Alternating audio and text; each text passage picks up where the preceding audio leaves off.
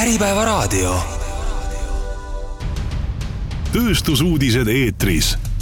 Eesti masinatööstust aitab eest vedada Radius Machining ja usaldusväärne tööjõud tuleb Hansavestist. tere, head kuulajad, algab saade Tööstusuudised eetris. tänases saates pakume teile kuulamiseks kahte ettekannet, mis kõlasid novembri keskel toimunud konverentsil Tööstuse äriplaan kaks tuhat kakskümmend neli saate esimeses pooles räägib Swedbanki peaökonomist Tõnu Mertsina sellest, millised on uue aasta väljavaated tööstussektoris. saate teises pooles kuulete riigi nägemust, millega tööstusettevõtetel edaspidi arvestada tuleb. sellest räägib MKM-i tööstusvaldkonna juht Andri Aran. aga nüüd hakkame kuulama esimest ettekannet, mille teeb Tõnu Mertsina. head kuulamist! me täna avaldasime ka uue majandusprognoosi, ma küll sellel pikemalt ei peatu, aga see, mis toimub tööstuses praegu, oli väga oluliseks sisendiks äh, Eesti majandusprognoosile äh, järgmiseks ja ka ülejärgmiseks aastaks. Äh, nüüd me, ma, ma plaanin peatuda rohkem küll järgmisel aastal, aga selleks, et järgmisest aastast paremini aru saada või ka teie saaksite aru, miks ma nii mõtlen Äh, vaataks üle ka selle, et äh, kust me tuleme, millised trendid on äh, praegu käimas ja kuidas need võivad mõjutada siis järgmist aastat. kõigepealt selle aasta skp, me oleme languses eelmise aasta algusest ja teatavasti Eestil on läinud Euroopas kõige halvemini. nüüd, kui te vaatate seda punast joont vasakul, vasakul joonisel, see on siis äh, püsivhindades skp maht, äh, näed, näete, et Eestil eelmisel aastal hakkas see nool järsult allapoole minema. nüüd äh, sellel aastal, selle aasta esimese üheksa kuuga me küll kolmanda kvartali täpset numbrit ei tea, kiirhinnangut teame kolmanda kvartali kohta aga esimese üheksa kuu jooksul on meie majandus eelmise aastaga võrreldes mahus kolm protsenti väiksem. ma olen kirjutanud siia selle slaidi pealkirja, et majanduslangus taandub aeglaselt. tõepoolest, kui te vaatate neid tulpasid, see on nüüd aasta võrdluses ja kui ma siia paneksin kõrvale ka kvartali võrdluse, siis üldiselt on näha, et et praegu paistab, et äh, me oleme sellisest languse kõige sügavamast põhjast läbi käinud. aga äh, riskid on tõepoolest olemas, nii siin täna ka juba mainiti, äh, mainiti ka Iisraeli-Hamasi sõda, tegelikult ka sõda Ukrainas, need kõik kujutavad jätkuvalt geopoliitilist riski, mis võivad mõjutada energiahindu, et kui sõda, sõda Lähis-Idas laieneb, siis see viskab üles energiahinnad, täpsemalt öeldes nafta hinna, eh, ja, ja päris tublisti kohe ja see omakorda hakkab pidurdama majanduskasvu, see pöörab ümber täiesti rahapoliitika väljavaates, praegu me põhimõtteliselt võime seda öelda, et intressimäärad on oma tipu saavutanud ja see võib siis intressimäärasid uuesti mõjutama hakata. nüüd ehm, kuigi majanduskasv tasapisi aeglustub, me ei saa veel kaugeltki öelda seda, et me oleme, oleme nagu, nagu see väljavaade on kuidagi positiivne, sellepärast et kui vaadata kindlustundeid, kindlustunde indikaatoreid, siin võrrelda näiteks kogu majanduse kindlustunnet äh, Eestis teiste riikidega, siis te näete, et äh, me oleme ikkagi, me oleme ikkagi viletsas seisus ja kindlustunne tervikuna jätkuvalt halveneb. Ja äh, erinevad sektorid Eesti majandusest ja näete ka, et ega ei ole ühtegi sektorit tegelikult, kus kindlustunne on võtnud suuna ülespoole. see puudutab nii majapidamisi, ehk siis tarbijaid, kui ka teenuseid, tööstust, ehitust, nii et äh, jätkuvalt on kindlustunde, kindlustunne liigub allapoole. ehk siis see tähendab äh, tarbimise pidurdumist, see tähendab investeeringute pidurdumist nüüd ähm, tulles tööstuse juurde, äh, me oleme rääkinud äh, ja me räägime palju sellest, et äh, tööstuse langus on üks suurima, üks suurim mure, murekoht Eesti majanduses ja tõepoolest on. aga tegelikult, kui vaadata Statistikaameti andmeid SKP kohta, siis tuleb välja, et ligikaudu pool skp langusest tuleb hoopis energia, energiatootmismahtude vähenemisest. Eh, seda nii selle aasta esimesel poolel kui ka eh, alates eelmise aasta teisest poolest. ja miks energia tootmine on vähenenud, seal on palju erinevaid põhjuseid, et ta on kombinatsioon sellest, et eh, sel aastal on elektri hind allapoole läinud energia toot-, elektri tootmine on äh, meie toorainest siin peamiselt siis põlevkivist muutunud äh, võib-olla vähem kasumlikumaks ja kindlasti oluline mõju on selles, et koos majanduslangusega on vähenenud ka nõudlus elektri järgi. aga nüüd tööstuse juurde, töötlev tööstus, töötleva tööstuse maht on äh, praegu vii-, on praegu langenud samale tasemele, mis ta oli umbes viis aastat tagasi. see langus paistab olevat oma põhjast ka läbi käinud tööstuses, sellepärast et me oleme näinud pikka aega väga tugevaid languseid, et te näete need punased tulbad, mis on suunaga allapoole, et paistab, et teises kvartalis, selle aasta teises kvartalis oli oli tööstuse tootmismahtude langus tugevam, kui oli kolmandas kvartalis, aga tõtt-öelda ega väga olulist vahet ka ei ole, kas teises kvartalis langes ta alla kümne protsendi või, või kolmandas kvartalis langes veidi, veidi, veidi, veidi vähem kui kümne protse-, veidi vähem kui kümme protsenti, et nii või naa on see langus jätkuvalt tugev. ja kui nüüd mõelda seda, et kuna üldse töö, töötlev tööstus sellest langusest välja saab, siis äh, ma näitan teile ka äh, äh, või ma räägin teile ka sellest, milline on meie vaade järgmisse aastasse, et ega siin niisugust lähemal ajal ma ei julgeks prognoosida küll kvartal kvart-, või tähendab, kuu kuusse võrdluses selliseid tugevaid kasvusid. et kui võtaks sellise hästi lihtsalt, et et kuust kuusse enam äh, mahud ei lange, mis on tegelikult praegu kindlasti äh, väga positiivne vaade, siis isegi sellise keskmise kasvu juures äh, taanduks langus välja alles järgmise aasta septembriks. kui me võtame veelgi opti-, optimistlikuma vaate, ehk siis võtame näiteks kümne aasta keskmise kuust kuusse kasvu, mis on null koma kaks protsenti, siis ähm, taanduks langus välja alles järgmise aasta juuniks viimase kolme kuu keskmine tööstuse langus kuises võrdluses oli eh, veidi alla nulli protsendi.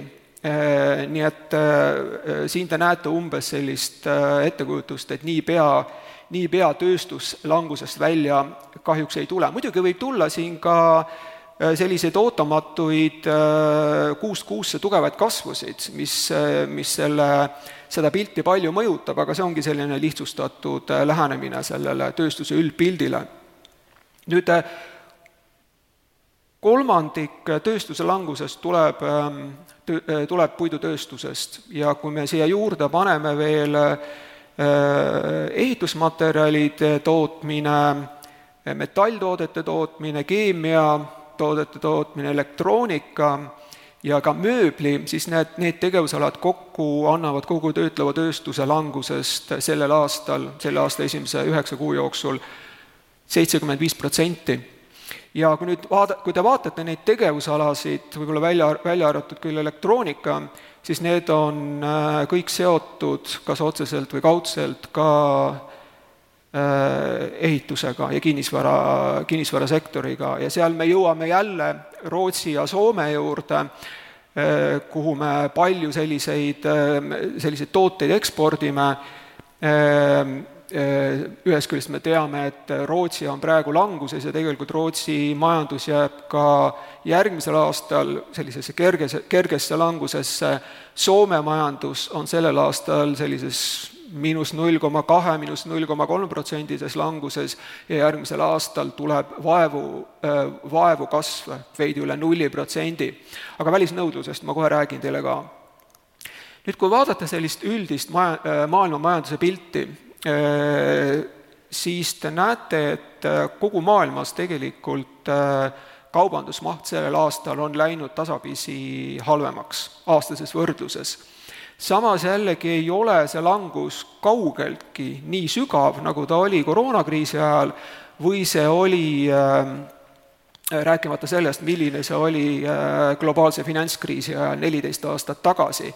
aga muidugi ega see meid ei lohuta, sellepärast et meie ekspordi, peamised ekspordipartnerid on ikkagi rohkem siin Euroopas ja Euroopa majandusel paraku läheb siin lähemal ajal järk-järgult halvemaks siin äh, vasakpoolne joonis on ostujuhtide indeks, kõik, mis on üle viiekümne, näitab seda, et tegemist on majandusaktiivsuse suurenemisega alla viiekümne näitab seda, et äh, uuringute või küsitluste järgi ettevõtete juhid on hinnanud majandusaktiivsuse kokkutõmbumist, ehk siis äh, tegelikult ka ettevaates langust.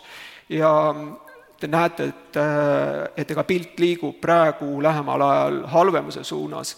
ja parempoolne joonis on skp püsivhindades.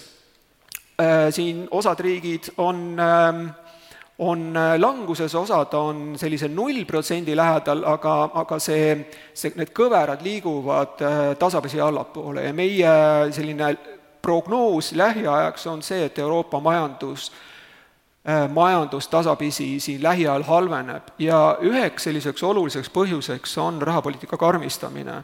sellepärast, et äh, rahapoliitilised muutused hakkavad mõju avaldama viitajaga, et ei ole nii, et tõstame intressimäärasid ja siin äh, mõne kuu pärast näeme juba nende kõrgemale tõstetud intressimäärade mõju. nüüd ähm, eksport, äh, töötlev tööstus on teatavasti suurim kaupu eksportiv majandusharu. Ja siin on nüüd kaks äh, joont, punane on jooksevhindades, mis siis näitab seda, et eksport liigub, on liikunud üha sügavamasse langusesse, aga tuleb arvestada, et seda kõverat on mõjutanud ka ekspordihinnad, mis varem väga tugevasti mis tähendab, varem eh, väga tugevasti eh, kasvasid ja nüüd on, on see, need hinnad läinud langusesse. nüüd, kui me jagame selle jooksevhindades ekspordi, nende ekspordihindadega läbi, saame püsivhindades ekspordi, ehk siis ekspordimahud ja näete, see roheline kõver on äh, viimasel ajal olnud üsna stabiilne, ta on jätkuvalt tugevas languses, aga ta ei ole halvenenud.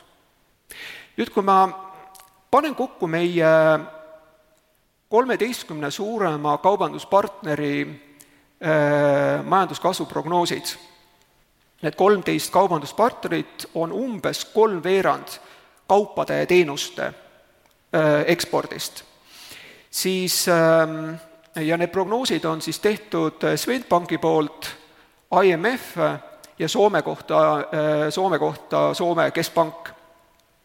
ja äh, kaalun läbi need siis meie ekspordi osakaaludega ja te näete, need tulbad on sellised, sellel aastal on siin, sellel aastal on ta väga, väga nõrk, järgmisel aastal mõnevõrra juba parem ja ülejärgmisel aastal on ta juba, juba, juba veelgi parem.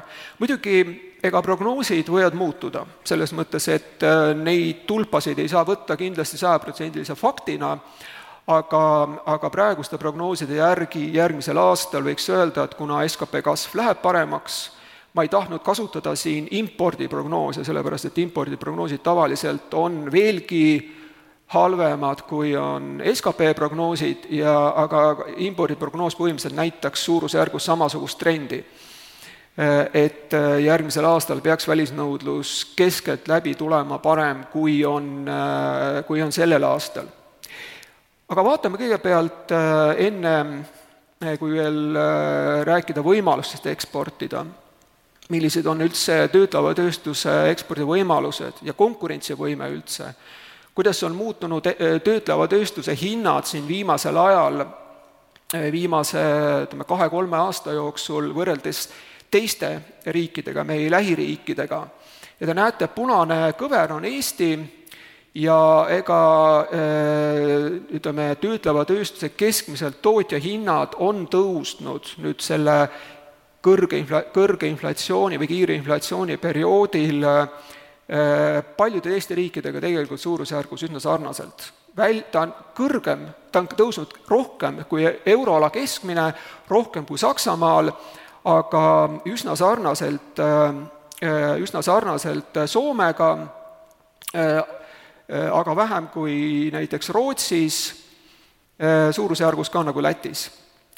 Nüüd, kui vaatame ekspordihindasid, kuidas on muutunud ekspordihinnad töötlevas tööstuses keskmiselt, siis äh, on äh, meie hinnakasv olnud umbes sama äh, nagu Rootsis, kiirem kui Soomes ja Lätis ja Saksamaal, nii et tegelikult iseenesest hinnakasv on olnud kiirem, aga, aga siin on võrreldavusi muidugi teiste riikidega saab ikkagi tuua, et et jah, kahjuks euroala keskmisest on meie hinnad tublisti kiiremini kasvanud. nüüd teine teema on veel äh, valuuta vahetuskurss. meil küll tegelikult, kui me nüüd vaatame meie, milliste valuutadega me tehinguid teeme, siis Eestis piiriülesed tehingud üle üheksakümne protsendi tehakse euros. Aga samas jällegi me peaksime arvestama meie kaubanduspartneritega, sest seal toimub ikkagi arveldus kohalikus valuutas. Ja kui nüüd vaatad seda parempoolset joonist, see on reaalne efektiivne vahetuskurss vastu meie kolmekümmend seitset kaubanduspartnerit, selle ma olen läbi äh, jaganud ekspordihindadega. Ja siin te näete, et, et kõik, mis on üle saja, näitab seda, et meie vahetuskurss vastu kaubanduspartnereid halveneb, alla saja siis paraneb. Rootsis muidugi tänu sellele, et Rootsi kroon on olnud nõrgem, see on siis soodustanud, see on selles mõttes ekspordi vaates, impordi vaates on pilt vastupidine.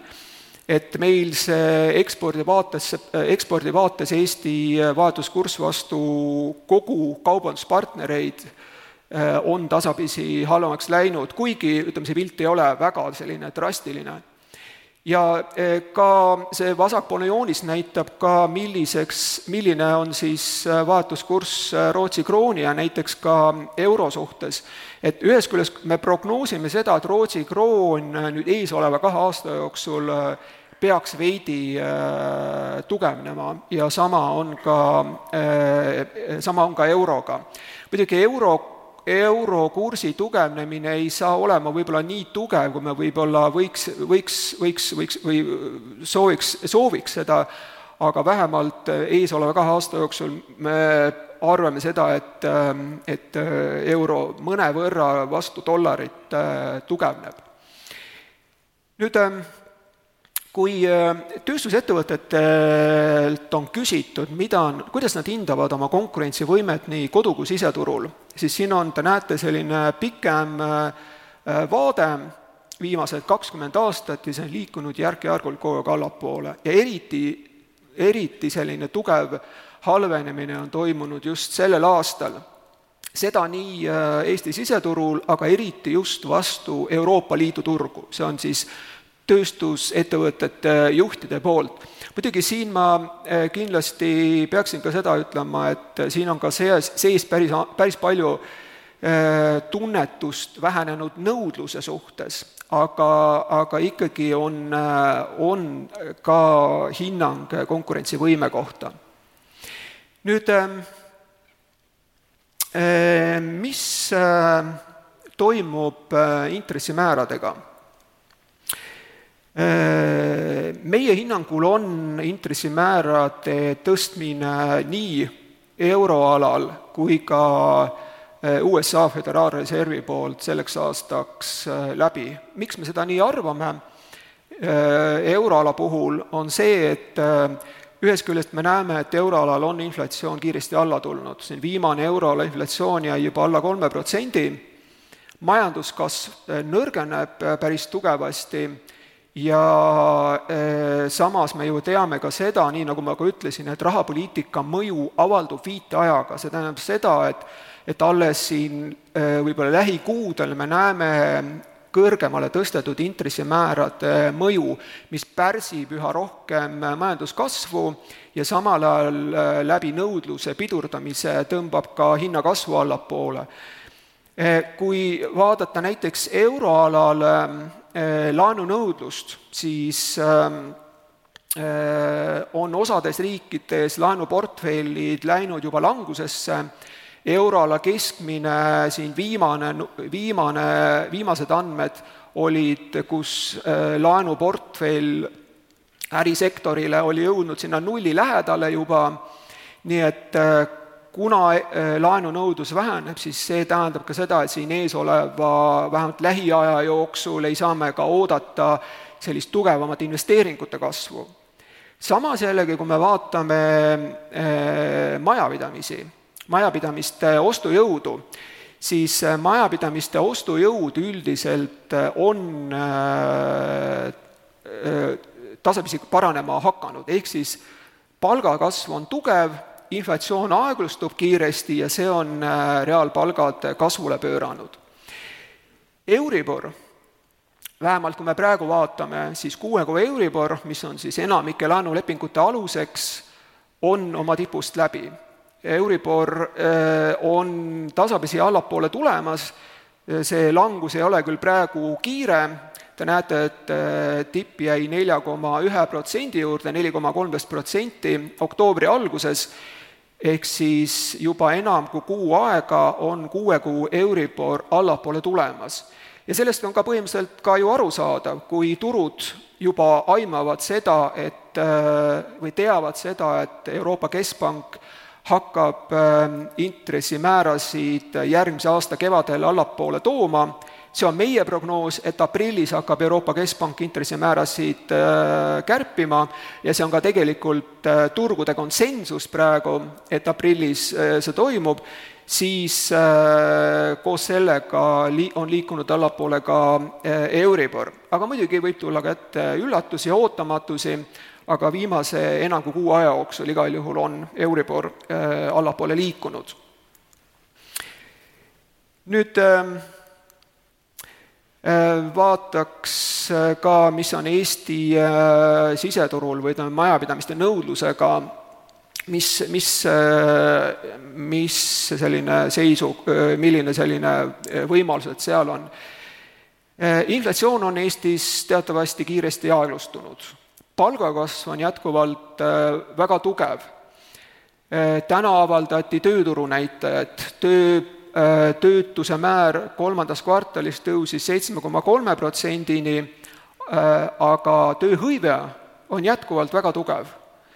Eh, nii et kui me siia vaatame seda reaalpalka ja ostujõudu tervikuna, siis reaalpalk on juba kasvama hakanud ja kui nüüd siia kõrvale panna ka see, et töötuse määr tasapisi tõuseb, aga meie hinnangul ei tohiks töötuse määr tõusta niisuguse väga murettekitava tasemeni, see on nüüd kogu majanduse kohta, tööstus, töötlev tööstus ja ehitus on on äh, ühe, on, on sellised tegevusalad, kust on äh, hõive rohkem langenud, kus töötuid tuleb rohkem, aga näiteks teenuste sektor on tööhõivet äh, kasvatanud. Nii et töötuse määr järgmisel aastal peaks tõusma keskmiselt, järgmise aasta keskmiselt kuskil seitsme poole, kaheksa protsendi vahele ja see tegelikult tähendab seda, et ja kuna tööhõive väga palju alla ei tule, siis see peaks tegelikult tähendama seda, et niisugune eh, tarbijatepoolne nõudlusfoon väga tugevasti kukkuda eh, ei tohiks. nii et eh, järgmisel aastal iseenesest võib oodata seda, et kuna praegu on reaalpalgad kasvama hakanud, et et äh, väikese viiteajaga peaksime järgmisel aastal nägema ka tarbimise niisugust ettevaatlikku paranemist. ja kokkuvõtteks, välisnõudlus jääb lähiajal nõrgaks, aga järgmisel aastal, nagu te nägite ka sellelt jooniselt, peaks see tasapisi äh, paranema. intressimäärad äh, juba Euribor juba tasapi-, on tasapisi allapoole tulemas ja meie prognoosi kohaselt Euroopa Keskpank hakkab neid äh, allapoole tooma äh, järgmise aasta aprillis. samas tuleks arvestada seda, et äh, rahapoliitika karmistamise mõju avaldub viiteajaga, see pärsib üha rohkem nõudlust ja sellel, see töötab siis justkui vastupidiselt sellele, et et majapidamiste ostujõud ühest küljest paraneb, sellel oleks nagu positiivne mõju majandusele, intressimäärad on oma tipust läbi käinud, kui mingil ajal me peaksime hakkama nägema ka seda, et turud või ütleme siis turuosalised, ettevõtjad ja majapidamised hakkavad ka sellest paremini aru saama, aga jah, rahapoliitika karmistamine töötab sellele, sellele vastu. nii et kui me nüüd paneme kokku Eesti majanduse üldise pildi. Sellel aastal, meie prognoos oli, et Eesti majandus sellel aastal väheneb kaks pool protsenti, järgmisel aastal kasvab ainult veidi üle nulli, kuskil null koma seitse protsenti, ülejärgmisel aastal kuskil kahe protsendi lähedal, nii et äh, see, sellise prognoosi kohaselt äh, jõuab Eesti majanduse maht kriisi, äh, majanduslanguse eelse tipuni, mis oli kaks tuhat kakskümmend üks lõpus, alles kaks tuhat kakskümmend kuus alguses. jätkub saade Tööstusuudised eetris kui eelmises saatepooles kõlas Swedbanki peaökonomist Tõnu Mertsina ettekanne, siis nüüd läheme edasi riigi vaatega. riigi plaanist tööstusele kõneleb MKM-i tööstusvaldkonna juht Andri Haran, head kuulamist! nii, tere ka minu poolt. valgus on tõesti ere pealkiri on Riigi plaan tööstusele, ma ei ole kindel, kas ma seda teile täna pakkuda saan, pigem räägime võib-olla sellest, kus me täna omadega oleme ja selline kolmas aasta volatiilne keskkond, nagu öeldi, mitte kriis. ja, ja iga kord, kui ma siia tulen, siis äh, mu kolleegid küsivad, et kuule, et seis on selline, et kuidas sa lähed sinna töösturite ette täna, et mis sa neile rääkida kavatsed. et äh, aga see selleks. Tõnu Mertsin näitas juba hunniku tabeleid, ma näitan ainult kahte, selleks, et teha väike sissejuhatus see on siis lisandväärtus, osatähtsus lisandväärtusest, jooksev hinnas protsentides kaks tuhat kakskümmend kaks aasta. Kõigi meie sektorit, sektorite lõikes. nagu näete, siis töötlev tööstus on ähm, jätkuvalt see kõige mahukam. Ja võib-olla oluline, see on kaks asja, esiteks tegemist on suhtarvuga ja teine asi on see, et see number on tegelikult suhteliselt sama juba mitmendat aastat järjest. et me püsime sellel ühesugusel tasemel, et kui räägitakse, et see uus majandus või IT, IT-sektor või tehnoloogiasektor tuleb ja sööb meid nagu suhtarvuna ära, noh, ja tööstuse mahuna järjest väheneb, siis tegelikult me oleme suhteliselt stabiilsel tasemel kogu aeg, kogu aeg jätkuvalt olemas, mis kinnitab seda, et tööstus on selline põhi ja vundament, läbi mille see majandus nagu toimib. Ja teine pilt võib-olla sellest, et äh, kuidas see siis sektorite vahel jaotub. et äh, siin ei ole ka minu meelest väga suuri muutusi toimunud, et äh, huvitav on see, et kui Tõnu Mertsin näitas just seda, et kuidas need langused kaks tuhat kakskümmend kolm aasta vaates nagu toiminud on, siis kui me järgmine aasta seda tabelit, seda sama vaadet, graafikut kokku paneme, siis huvitav, et kui palju see pilt muutub just kakskümmend, kakskümmend kolm näitajate põhjal. Aga see on niisugune tulevikku vaatav teema. ERR-i pealkirjad viimase kahe-kolme nädala jooksul mis eh, tegelikult viitab seda, et see nõudluse kukkumine tööstuses ei ole tegelikult nagu Eesti ainumure või meie vaade, vaid pigem on see see, et see toimub igal pool ja me peame suutma sellega nii-öelda kohaneda, nagu tegelikult kõik teised riigid ja tööstused teevad. mõned pealkirjad veel. Eh, Toomas Tammer eh, on nüüd just üleeile vist avaldas artikli teemaga, arvamusartikli Tööstuse kriis võib olla Eesti majanduse suurim võimalus paar nädalat tagasi valiti aasta ettevõtted, mille Aiko Seegi, Aiko Saageni juht ütles, et Eestis on liiga vähe innovatsiooni. Verston ehituse personalijuht Ester Pukk on öelnud, et meil on vaja insenere juurde ja see suurim kriitika viimasel ajal on see, et Eestis pole majanduspoliitikat, mida kõik rõhutavad. Ja veel see, et just võeti vastu riigieelarve, mis ei andnud just väga julgust selles osas, et kus me oma majanduskeskkonnaga liikumas oleme kõik need märksõnad või pealkirjad viitavad tegelikult natuke sellele, mida täna esimeses paneelis juba räägiti. et äh, vihjati visiooni puudusele, vihjati sellele tegelikult, me peame tegema innovatsiooni ja arendust ja pakkuma uusi tooteid-teenuseid sellel turul nagu konkurentsivõimeline olla ja oma eksporditurge tagasi saada ja et meil on vaja tööjõudu, kes selle ära teeks. ehk siis kokkuvõtlikult võiks öelda, mida täna hommikul just juba mainiti, oli see, et meil on vaja astuda järgmine samm. ja seda mitte ainult ettevõtjate või ettevõtluskeskkonna vaates, ka riik samamoodi. mul on natukene selline sisemine tunnetus, et see, kuidas me oleme siiamaani jõudnud, mida me teinud oleme, et see vajab sellist väikest restarti. selles mõttes, et, et mida riik teeb selleks, et panustada majanduskeskkonda ja kuidas seda elavdada, et see vaade vajab võib-olla uuesti otsavaatamist, eriti tänastes tingimustes, ja samamoodi veel kord rõhutada ettevõtjatele üle, üle seda, et äh, arendustegevus on see, mis teile uusi turgusid avab. ja sinna rohkem ja rohkem ja rohkem nagu jõudu panna. tööstuse ootused riigile, et ähm, mõned väljavõtted. Riik ei saa teha palju nõudluse taastamiseks, kuid saab olla uste avaja välisturgudel. sellega me täna tegeleme, et äh, olla proaktiivsemad ja paremad partnerid tööstusele, ettevõtjatele üldse uutele turgudele jõudmisel väga tihti on see, et ettevõtjal endal on seda esimest sammu sinna uuele turule keeruline astuda ja ta vajab riigipoolset tuge ja seda me tahame talle pakkuda.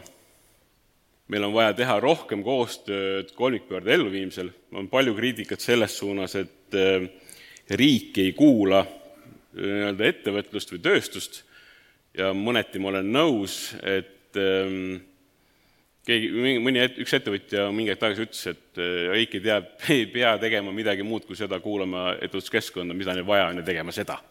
ja muuga ei peakski väga tegelema.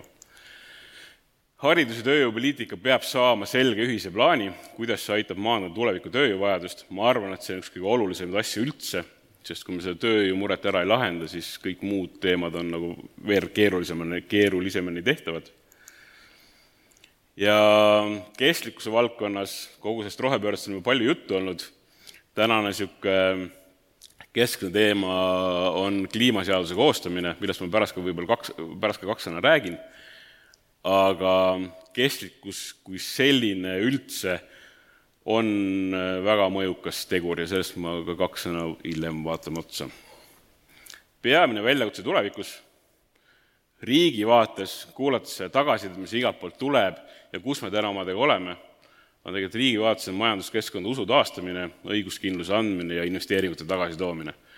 Need on nagu sellised kolm kõige olulisemat asja, mulle tundub, mida ettevõtluskeskkond täna riigilt ootab ja kuhu, ja see on ka natuke haag-, haagib selle jutuga, mis ma enne rääkisin, et riik peab korra tõenäoliselt vaatama, mismoodi me seda majanduskeskkonda elavdame ja sinna panustame.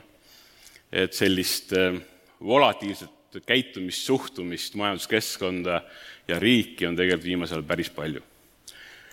mõni sõna ka sellest, mis on MKM-is juhtunud viimase aasta jooksul, et te saaksite aru, kus, kus me omadega natukene oleme. Kaks tuhat kakskümmend kolm aasta kevade valimiste järel ähm, uus valitsus otsustas siis seda, et tõstetakse ministeeriumid ringi. Ja, ja, ja seda olulisel määral muudeti MKM-i sisu, loodi uus kliimaministeerium, tekkis Regionaal- ja Põllumajandusministeerium ja nii edasi, tõsteti siseseid valdkondades ringi. Ja selle tulemusel juhtus see, et sellised olulised tugevad sisuvaldkonnad nagu energeetika, transport, ehitus, meremajandus liikusid MKM-ist üle Kliimaministeeriumisse. mis natuke tekitas selle olukorra, mida me täna peame nagu ähm, nagu uuesti üles ehitama, on see, et MKM-is endas sees ei ole väga olulisi mõjuvaldkondi enam mis tähendab seda, et suhestumine ja ideede elluviimine, juhtimine ja nii edasi on erinevate juhtimistasandite all. ja see tekitab mõningaid väljakutseid. Samu, samuti MKM-i sisesed struktuurimuutused, kus ähm, tõsteti kokku kaks majanduse poolega tegelevat valdkonda, ehk siis majanduse areng ja ettevõtluse tarbimis, tarbimisvaldkond, ja MKM-is on nüüd üks äh, asekantsler, Sandra Särav, valdkonnaga majanduse ja innovatsiooni valdkond kes siis tegeleb kogu selle ettevõtluskeskkonna arendamise poolega. ja sellest lähtuvalt tegelikult, millega, mida me täna teeme, on see, et ähm, me püüame uuesti mõtestada, mis on MKM-i kui ettevõtja partneri roll. ehk siis ähm, me tahame olla see käepikendus ja tugi ettevõtjatele, et eri, poliitilisel tasandil nii-öelda ettevõtja muresid nagu välja tuua ja neid esindada ja teistpidi ka erinevaid poliitikaid läbi suruda. ja siit ka tegelikult meie tänane nii-öelda ministri poliitiline visioon või, või tahe on ikkagi see, et vastata selle kriitikale ja et MKM oleks majanduspoliitika visiooni looja ja selle hoidja valitsuses. ja mõned põhimõtted sellest lähtuvalt ja see on jällegi täna juba öeldud, et selles mõttes huvitav, et see esimene paneel oli selline üsna peegeldav sellele, mida mina täna räägin, on see, et majandus peab kasvama. nui neljaks, majandus peab kasvama. igasugused muud arutelud sel teemal, et majandus pole oluline või sellega ei pea arvestama, eriti me kuuleme seda, kui me räägime sellest äh, rohepöördest, mis iseenesest võiks olla ju tegelikult nii-öelda majanduslepe, kuidas me uut majandust ehitame, siis äh, meie seisukoht on ja jääb selleks, et majandus peab kasvama. see ei pruugi kindlasti tähendada seda, et see tähendab seda, et me kasutame rohkem ressursse ja lähme mahult suuremaks, vaid pigem see, et me oleme targemad ja me loome rohkem lisandväärtust. meil on vaja piisavalt ja konkurentsivõimelise hinnaga ressursse ehk siis tööjõudu, taastuvenergiat, maavarasid, kapitali, et tagada ettevõtluskeskkonna toimimine, konkurentsivõime ja areng tulevikus. ehk siis me ei saa kõike nii-öelda piirata või takistusi seada, vaid pigem on eesmärk see, et me suudaks leida tasakaalu erinevate väljakutsete vahel. ja tasakaalu koht tuleb siit, et ettevõtlus peab mahtuma looduskeskkonna taluvuse piiridesse. ja need on nüüd need asjaolud, mille sees me nagu opereerime, et ja see loodus, looduskeskkonna taluvuse piirides, see on tegelikult mitu mõõdet, üks on see regulatsioon, millest täna juba räägitud, üks on tegelikult nagu põhimõte, reaalne vajadus, me peame selle keskkonnaga arvestama, ja kolmas on tegelikult see, kuidas turg käitub. seda täna korra öeldi juba, et vahet ei ole, mis see regulatsioon või mingi muu asi teeb, tegelikult meie eksporditurg nõuab meilt seda, et me selle keskkonnateemadega tegeleks ja järjest rohkem ja rohkem kasutaks taastuvelektrit, taastuvaid materjale, ringmajandust ja nii edasi, edasi, edasi. et see on paratamatu tööstuspoliitika. täna oli lause, et Eestil ei ole tööstuspoliitikat, on küll. et vastu võetud selle aasta augusti lõpus tööstuspoliitika sai kokku pandud tööstuse erialaliitude soovide järgi, MKM oli siin pigem sellises vahe, vahendaja ja kirjutaja rollis, kus tööstusliidud, erialaliidud sõnastasid ähm, need mõtted ja soovid, äh, mis on Eesti tööstuse, tööstuse jaoks põhilised nii-öelda fookused, kuhu peaks riik keskenduma ja tegelikult ka ettevõt-, ettevõtluskeskkonna arendamise mõttes keskenduma, et, et seda tööstust arendada saaks. ja võib-olla selle võib-olla oluline märksõna on veel see, et see on ähm, policy dokument. see ei ole arengukava, selles mõttes, mis ütleb, et me teeme täna seda ja homme toda, vaid see on policy dokument, mis ütleb, et mis on need põhimõtted, mis on tööstuseks oluline ja millega peab tegelema, et see nagu, see, see nagu kasvada saaks ja selle põhisõnum, selle dokumendi põhisõnum on see, et tööstuse lisandväärtuse tootlikkuse kasvades on võimalik ka Eesti majanduses tervikuna esile kutsuda kvalitatiivne struktuurne muutus. tööstuspoliitika tulemusmõõdikud. Ehm, riigile kombeks ikka igat asja peab mõõtma ühel, teisel, kolmandal moel ja lisandväärtus on selline mõõdik, mis on ehm, võib-olla ettevõtjatele aeg-ajalt ehm, arusaamatu, miks me seda mõõdame, aga riigi mõistes on niisugune et kuidas sa mõõdad majandust, et kuidas ta nagu toimib või kuidas tal hästi läheb. ja riik on täna siis, või MKM õigemini, on täna siis valinud selleks üheks põhiliseks mõõdikuks lisandväärtuse kasvu ja siin tööstusel tegelikult meil ju väga hästi ei lähe, et tööstuse lisandväärtusnäitaja võrreldes Euroopa Liidu keskmisega on ikkagi seal kuuekümne protsendi juures. et meil on tegelikult pikk maa minna sellest siia me jõuame täpselt selle uude majandusse, tarka majandusse, digitaliseerimisse, automatiseerimisse ja nii edasi, edasi, edasi. siin saalis, ma julgen pakkuda, on äh, kogu see Eesti tööstuse tipp. aga meil on väga palju ettevõtteid, kes tegelikult äh, ei ole sinnamaani veel jõudnud. ja see on see, millega me tegelema peame. ekspordi osakaalu kasv, et oleks suurem kui kaheksakümmend protsenti on see eesmärk, et see, seda pilti nagu kokku tuua ja kestlikkuse põhimõtete rakendamine tööstuses. korra sellest juba rääkisin. ja need põhilised fookusvaldkonnad, neid on seitse tükki, siin ei ole mitte midagi uut tegelikult, selles mõttes, et kõik valdkonnad on nagu teada-tuntud, aga ma julgen väita, et üheski Eesti arengukavas või sellises dokumendis ei ole neid teemasid käsitletud kõiki tervikuna üheskoos. mis viitab sellele, et me peame tegelema kõigi nende seitsmega selleks, et me saaksime tööstust nagu eesmärgipäraselt arendada. et me ei tegele ainult ühe tükiga, vaid me peame vaatama tervikut ja nad kõik omavahel seoses. või siis, kui võtta, mida Raul Kirjanen ennem ütles, on see, et eh, need on need teemad, kus seest me peame ära koristama need takistused majandus kasvada saaks. et siit vaatab siia teemasse sisse, mis on need täna need asjad jalus meil, et see majandus, et see majandus pidurdab ja need eest seest ära koristama. see on nagu võib-olla oluline vaade. ja teine vaade, mida Urma siia selles samas ähm, tööstusuudiste arvamus ühes artiklis ütles selle kohta, oli see, et ähm, et kui riik teeb täna mingeid otsuseid, siis tegelikult ta peaks siia sisse vaatama korraks, vaatama nii-öelda seda seitset punkti ja küsima enda käest, et kas see otsus, mida ta teeb, aitab kuidagi kaasa selles ühe nende seitsme punkti nagu elavdamisest või tööstuse nagu arendamise vaatesse. Et see on niisugune raamistik. tööstuspoliitika kaks tuhat kolmkümmend viis, kuidas edasi? üks ettevõtja paar, eelmine nädal kirjutas, et äh, tööstuspoliitika on olemas küll, väga tore, aga tegevuskava seal ei ole. tegevuskavaga on niisugune, niisugune lugu, et äh, me tahtsime selle tegevuskava sinna kohe juurde panna. aga kuna majanduses on nii segased ajad, volatiilsed, vabandust, siis tegelikult äh, ei järeleliidud ega riik tegelikult ei olnud kohe valmis seda tegevuskava kirja panema, sest kui me seda tegime, siis oli umbes niisugune maikuu kevadel, selle aasta kevadel, et me tahtsime, kõigepealt me tahtsime näha, mis nagu saab ja kus see valitsus liikuma hakkab, et mis on need tegevused, kuhu me saaksime nagu esmaselt panustada ja, ja, ja mis on need poliitilised suunad, et mis vajavad nagu meie nii-öelda reageeri-, reageerimist. Täna me selle tegevuskava kokkupanemisega tegeleme ja, ja selles mõttes töö käib. kestlikkus. räägin mõne sõna kestlikkusest ja kliimaseadusest. kestlikkusel on suurem mõju kui digipöörde viimase kahekümne aasta jooksul, sest ta mõjutab kogu, kogu ühiskonda tegelikult tervikuna, läbi oma, läbi oma regulatsioonide, turu käitumise ja, ja kõikide muude tegevuste. ehk siis eh, see on tulnud selleks, et jääda ja sellega me peame arvestama. Kestlikkuse kõige suurem väljakutse meil täna on kompetentsid ja teadlikkused. kõik teavad, et tuleb, aga kuidas sellega päriselt käituda, kuidas edasi minna, mis sellega teha, kus on see ärivõimalus ja nii edasi ja edasi, tegelikult seda ühiskonnas ja ettevõtluskeskkonnas liiga palju seda teadlikkust ei ole. riskid ja investeeringud, iga uue asjaga kaas-, kaasnevad uued riskid ja kulud, või siis me näeme seda investeeringuna, kuidas keegi va-, vaatab kas meil on olemas vajalikud tehnoloogiad, et seda muutust ellu viia, mis ja kui palju on neid regulatsioone, mis meie igapäevaelu tegelikult reguleerima hakkab või meie ettevõtluskeskkonda.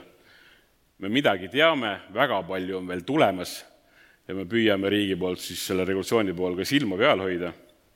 ja täna võib-olla kõige kuumem teema, millega riik tegeleb, on kliimaseaduse koostamine. kliimaseaduse eesmärk põhimõtteliselt eesmärgina igal pool kirjeldatud seda, et me tahame vähendada keskkonna jalajälge ja luua uut majandust. Ehk siis majandus, majandus selle oleks keskkonna piirides ja samas oleks konkurentsivõimeline. samas äh, räägitakse hästi palju selle, sellest, et kliimaseadusega seatakse majandussektorite põhised kliimaeesmärgid. ja nüüd tekib kohe küsimus see, et äh, kas need kliimaeesmärgid ja majanduse eesmärgid käivad nagu käsikäes või on omavahel tasakaalus, kas me oleme selle läbi mõtestanud? Tänane, see eelmine see slaid ja, ja see slaid on Kliimaministeeriumi omad, lihtsalt vahemärkusena. tänane kliimaseaduse esialgne ülesehitus ütleb seda, et, et seal sees peaks olema üldsätete reguleerimise ala, kliimaeesmärgid, kliimarahastus, kliimaneutraalsuse tagamise põhimõtted, õigused ja vastutus, aruandlus, vastutus, järelevalve ehk siis tegelikult sellest ülesehitust me seda majandusvaadet enam ei leia.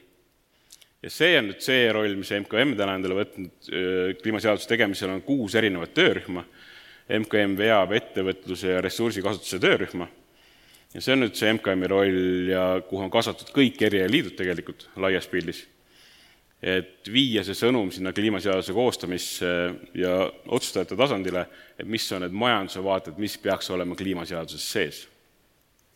Selle on hästi võtnud kokku Tööandjate Keskliit, kes ütleb, et seaduse vastuvõtmisel peab sihtrühmadel olema selge, kuidas on plaanis kliimaeesmärgid saavutada nii, et säiliks ekspordivõime, hõive ja sissetulekud ning mis on nende roll selles. ehk siis natuke on see seis, kus ettevõtluskeskkonna ootus kliimaseadusele ja riigi ootus kliimaseadusele ja veel mingite kolmandate osapoolte kliimaseadusele on tegelikult suhteliselt erinev. ja me peame kuidagi siin keskpõrandale kokku saama ehk siin tekiks tasakaal ja selline ühiskonna, ettevõtluse, keskkonna eesmärgid oleks üksteist toetavad, mitte üksteist keelavad, piiravad või, või takistavad. ja selle kogu selle jutu lõpetuseks äh, võib-olla üks niisugune äh, tsitaat, mille ütles üks ettevõtte juht mulle paar nädalat tagasi, me arutasime innovatsiooni narratiivi sisu, et kuidas ettevõtjatele rohkem innovatsiooni ja arendustegevuse põhimõtted nagu kohale viia, siis tema ütles lõpuks selle lause, sellise lause, et äh, majanduskasv ei ole eesmärk, vaid tagajärg. ja sellest on võib-olla täna ka juba üsna palju esimeses plokis juttu olnud. kui me teeme õigeid otsuseid nii ettevõtjatena kui riigina ja tegeleme õigete asjadega, siis tegelikult on see majanduskasv on taga, tagajärg. et selle tulemusena majandus kasvab. aitäh! Selline sai seekordne Tööstusuudised eetris.